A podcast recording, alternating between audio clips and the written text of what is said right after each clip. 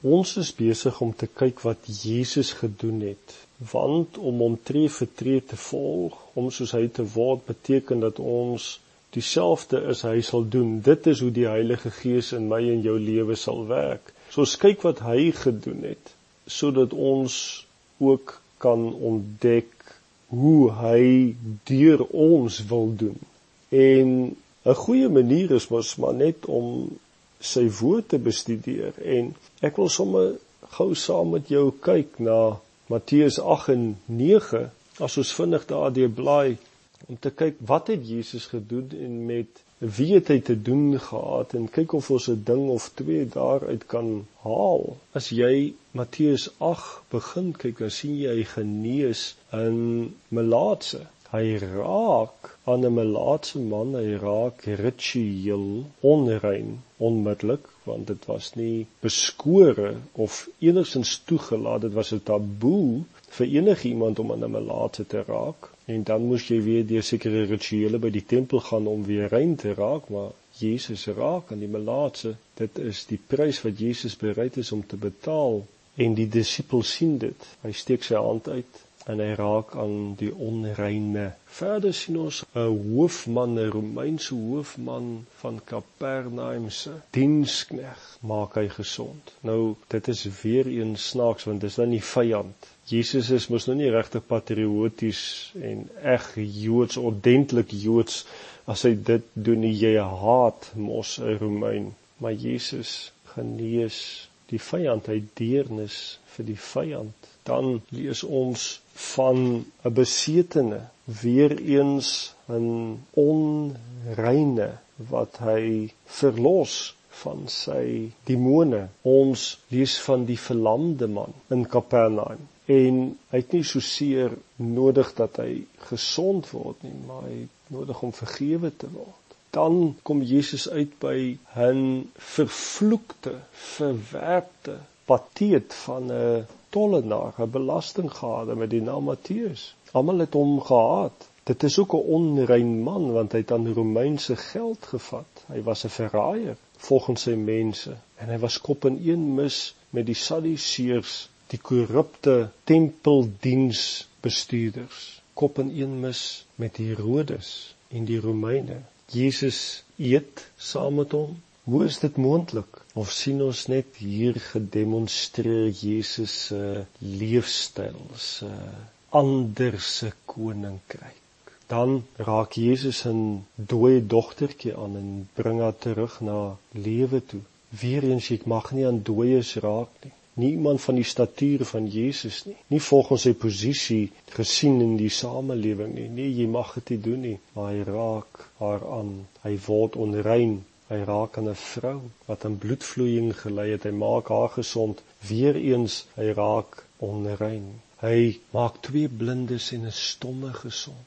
Ek wil hê jy moet sien Dis asof Jesus net die stikkend en die seer en die pyn, die goed wat mense se lewens net onherroepelik verongeluk het as dit ware. Hy stap dit nie verby nie. Hy kan nie want hy's God. Dis nie wat hy bedoel het oorspronklik nie. Daai goed is is die gevolge van sonde. Maar waar Jesus kom, vlug die gevolge van sonde ook voor die voet. Ek wonder of jy opgelet het. Die mense wat ons nou vinnig raak geloop het in Matteus 8 en 9. Ek wonder of jy gesien het of hulle iets in gemeen het. Ek gaan sommer vir jou sê dat hulle was almal verwerp. Hulle was onaanvaarbare mense. Hulle was gemarginaliseer, weggegooi, vergeet. En Jesus reik uit na hulle. Wat sê dit vir ons as disippels? Ek bedoel dieselfde Jesus woon in ons. Dis sy lewe in ons, dit is sy gees.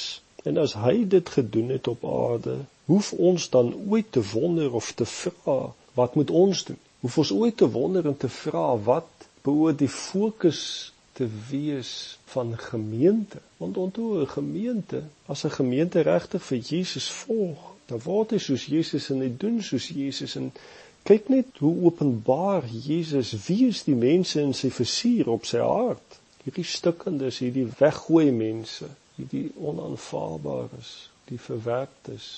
Ons hoef nie te wonder wat Jesus gedoen het nie. Ons sien wat hy gedoen het. Die vraag is doen ons dit ook? Laat ons regtig toe dat Jesus deur ons vloei na hierdie mense toe. En daar's 'n ander ding wat ek wil hê jy moet raak sien. Dis asof Jesus uit sy pad uitgegaan het om aan hierdie mense te raak. Die onreines volgens die samelewingsstandaarde.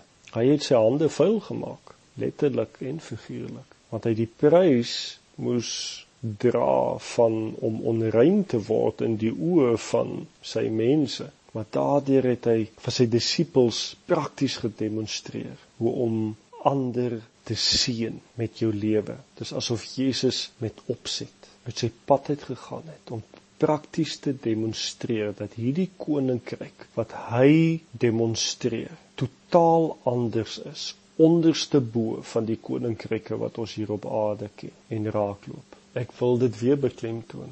Jy kan nie Jesus se lering dit wat hy verkondig het losmaak van sy gesond maak sy herstel sy herskepping werk wat hy gedoen het nie. Jesus het 'n holistiese fokus gehad op mense se nood. Hulle kan nie net iets geleer word nie. Hulle moet ook die koninkryk ervaar prakties.